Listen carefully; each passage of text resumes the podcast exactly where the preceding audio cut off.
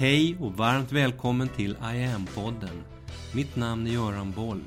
Här kommer jag varje vecka att presentera, utveckla tankar kring och polera på en ny facett av denna märkliga, mäktiga ädelsten vi kallar yoga.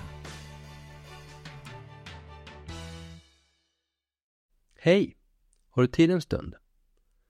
Idag här i podden tänkte jag be att få ta lite tid i anspråk utav dig med att prata om just tid.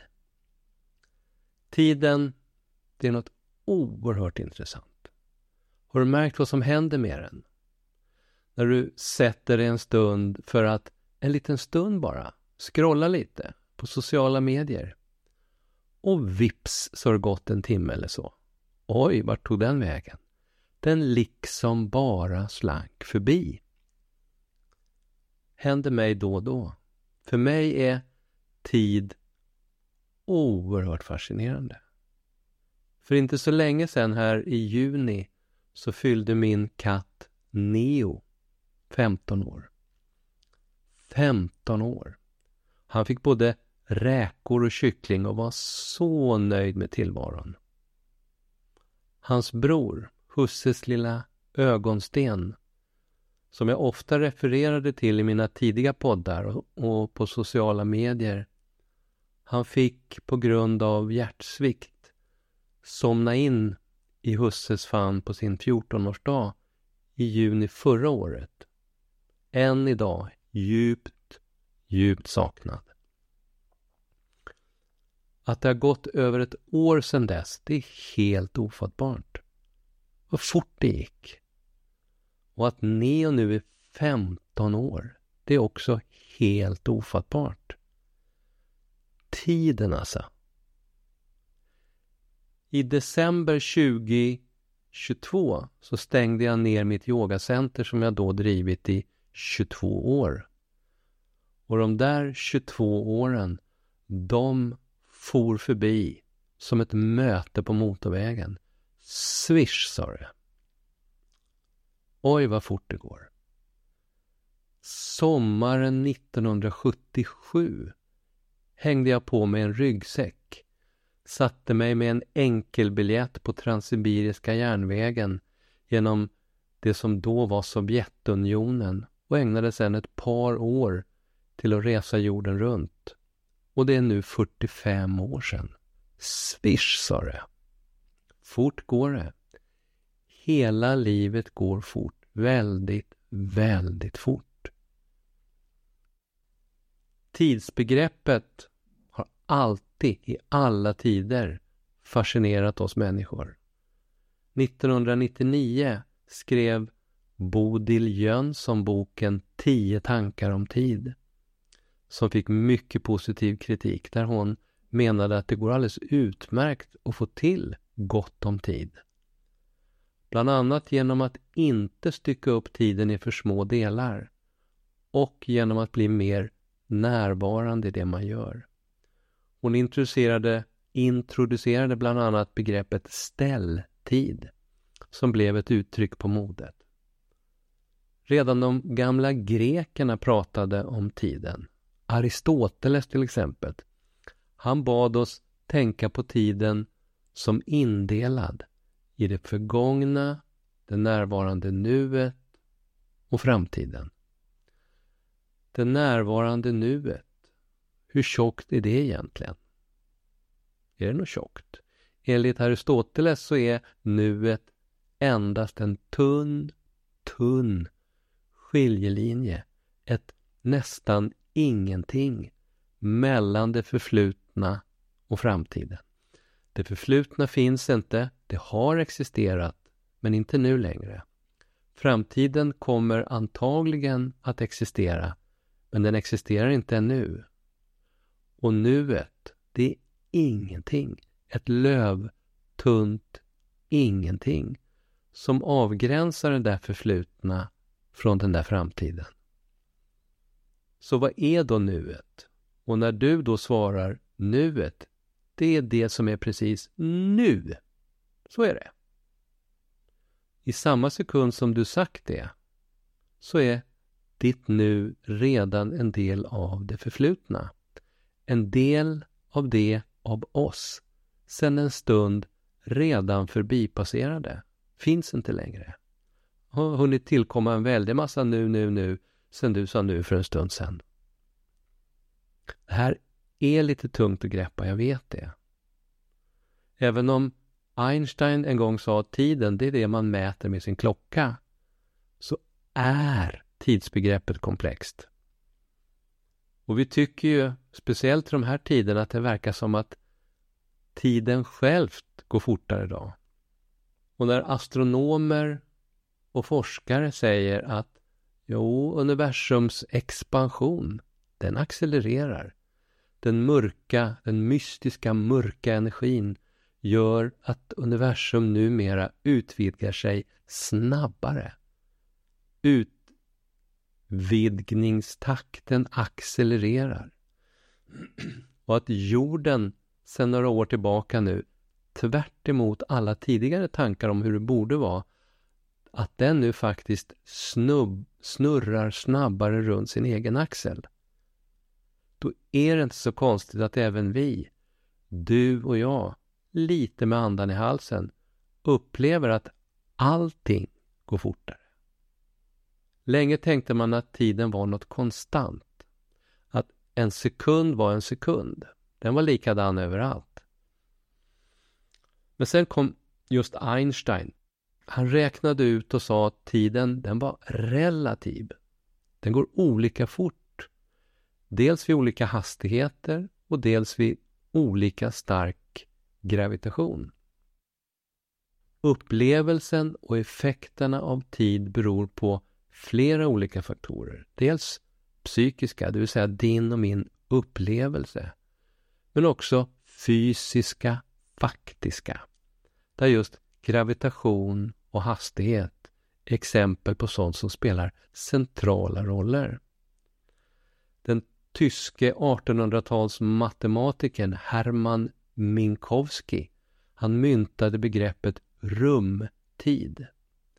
Det är en matematisk modell som kombinerar tid och rum till en sammanvävd helhet där du har det tredimensionella rummet med tiden som en extra fjärde dimension, rumtid. Ett av resultaten av allt det här blir exempelvis att tiden går långsammare nära områden med hög gravitation. Det är ett faktum. Tiden går långsammare till exempel ju närmare jordens kärna man befinner sig eftersom gravitationen är högre där nere än uppe på jordytan.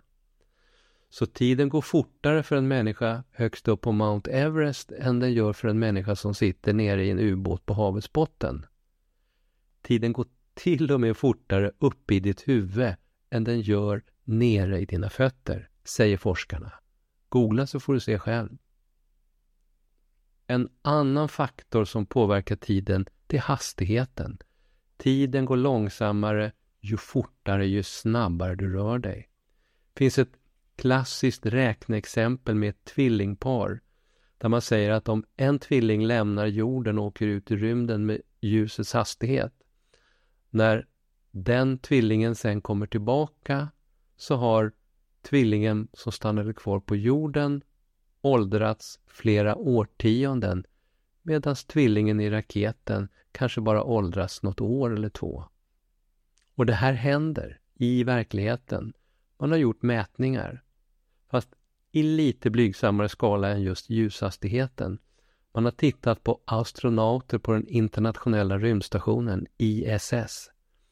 Den stationen färdas med en hastighet av nästan 8 kilometer i sekunden. Och där jämförde forskarna tvillingarna Scott och Mark Kelly. Scott som befann sig på ISS i ett år åldrades faktiskt långsammare än Mark som stannade kvar nere på jorden. Och den effekten har bekräftats i två olika mätningar. Går vi ner en bit under ytan i tillvaron till atomernas mikroskopiska nivå så blir det ännu påtagligare att vår uppfattning om tid både är relativ och subjektiv. nere på den här nivån så råder det symmetri, säger forskarna, mellan det förflutna och framtiden. Här kan olika fysiska processer ske i vilken tidsriktning som helst. Lite svårt att greppa. Gå vända tillbaka till början, till det som kallas Big Bang, för nästan 14 miljarder år sedan, så är den gängse synen inom forskarvärlden att även tiden skapades då, när universum exploderade från ingenting. Hur kan tiden ha en början? Och vad, hur såg det i så fall ut före Big Bang? Ja, det är en av de där stora frågorna. Vissa forskare menar att Big Bang, snarare än att vara en utgångspunkt för tiden, bara var ett övergående stadium i ett evigt universum. Ungefär som att ett hjärtslag följer nästa hjärtslag. Så vi befinner oss just nu i ett hjärtslag där universum expanderar. Och med ett sådant synsätt så har tiden varken någon början eller något slut. Tiden alltså. Full galopp. Och framåt så lär det inte kännas som att den kommer börja gå långsammare precis. När läkaren och hjärnforskaren Mona Esmail Sade sommarpratade 2018 så uttryckte hon det så här om framtiden. Utvecklingen är exponentiell. De närmsta hundra åren kommer inte motsvara hundra år av utveckling utan närmare 20 000 år av utveckling. Slutcitat. Och om den forskarslutsatsen ligger sanningen nära, vilket den antagligen gör, så kommer vi nu under ett antal årtionden framöver klämma in lika mycket mänsklig utveckling som under all känd mänsklig historia bakåt, ända tillbaka tills dess att inlandsisen låg tre kilometer tjock från Nordpolen ända ner över Centraleuropa. Och framåt så har vi AI, artificiell intelligens, som kanske en av de centrala kryddorna i den snabbkokande grytan. Jag pratar en del kring allt det som händer nu, om hur mycket som händer, nu och hela tiden, i podd 105 som heter Vart är vi på väg? Konstnärer, poeter och diktare har i alla tider försökt fånga och penetrera det där tidsbegreppet. Det finns ett väldigt fint poetiskt exempel på det. William Blakes dikt To see a world in a grain of sand. I svensk, svensk översättning så börjar den att se världen i ett sandkorn och himlen i en vild blomma. Hela oändligheten i din handflata och fånga evigheten inom en timme. I sin helhet så är det en lång dikt som du i sin helhet på engelska lätt hittar på nätet. I veckans bloggtext har jag lagt en länk så du lätt hittar den. Och det yogiska i allt det här då? Vad handlar det om? Det här är ju en yogisk podd. Vi lever och utvärderar löpande våra liv utifrån just tidens gång. Och bokstavligt talat i en del sammanhang utvärderar vi den sekund för sekund. Två hundrameterslöpare exempelvis, de mäter och utvärderar skillnader i sina prestationer i hundradelar av sekunder. En hundradel av en sekund kan bokstavligt talat avgöra om jag vann eller om jag förlorade. Tidens djupare sanning, dess mystiska, faktiska, sanna, mer absoluta natur, den existerar någon annanstans. Antagligen någonstans mellan, bortom fysikens hundradels sekunds prestationer och den mer filosofiska, yogiska inre närvaron, insikten, den djupare medvetenheten, den som yogan Patanjali kallade för nirvi kalpa samadhi. Antingen så finns det vi kallar dåtid, nutid och framtid. Och tiden den går lite olika fort i olika sammanhang som jag just beskrev. Eller så finns där objektivt sett ingen tid. Dåtid, nutid, framtid och tidens gång, allt det där, det är bara illusioner. Yogans djupare tanke, yogans djupare aspekter här handlar om att i sig själv, längst in i din kärna, medvetandegöra det här. Skapa en egen upplevelse av hur det faktiskt är. Ju mer omedvetna vi är som människor, desto mer bundna är vi till den linjära tiden och klocktidsuppfattningen. En yogisk metod för att transcendera tid, det är att dyka djupt, djupt ner in i den. Ju mer medvetna vi är, desto friare och mer tidslösa blir vi. Och upplever tidigare, nuvarande och framtida tid som ett, som något kontinuerligt, sammanlänkat. Yogan kan frigöra oss från den tidsbundna upplevelsen av tillvaron.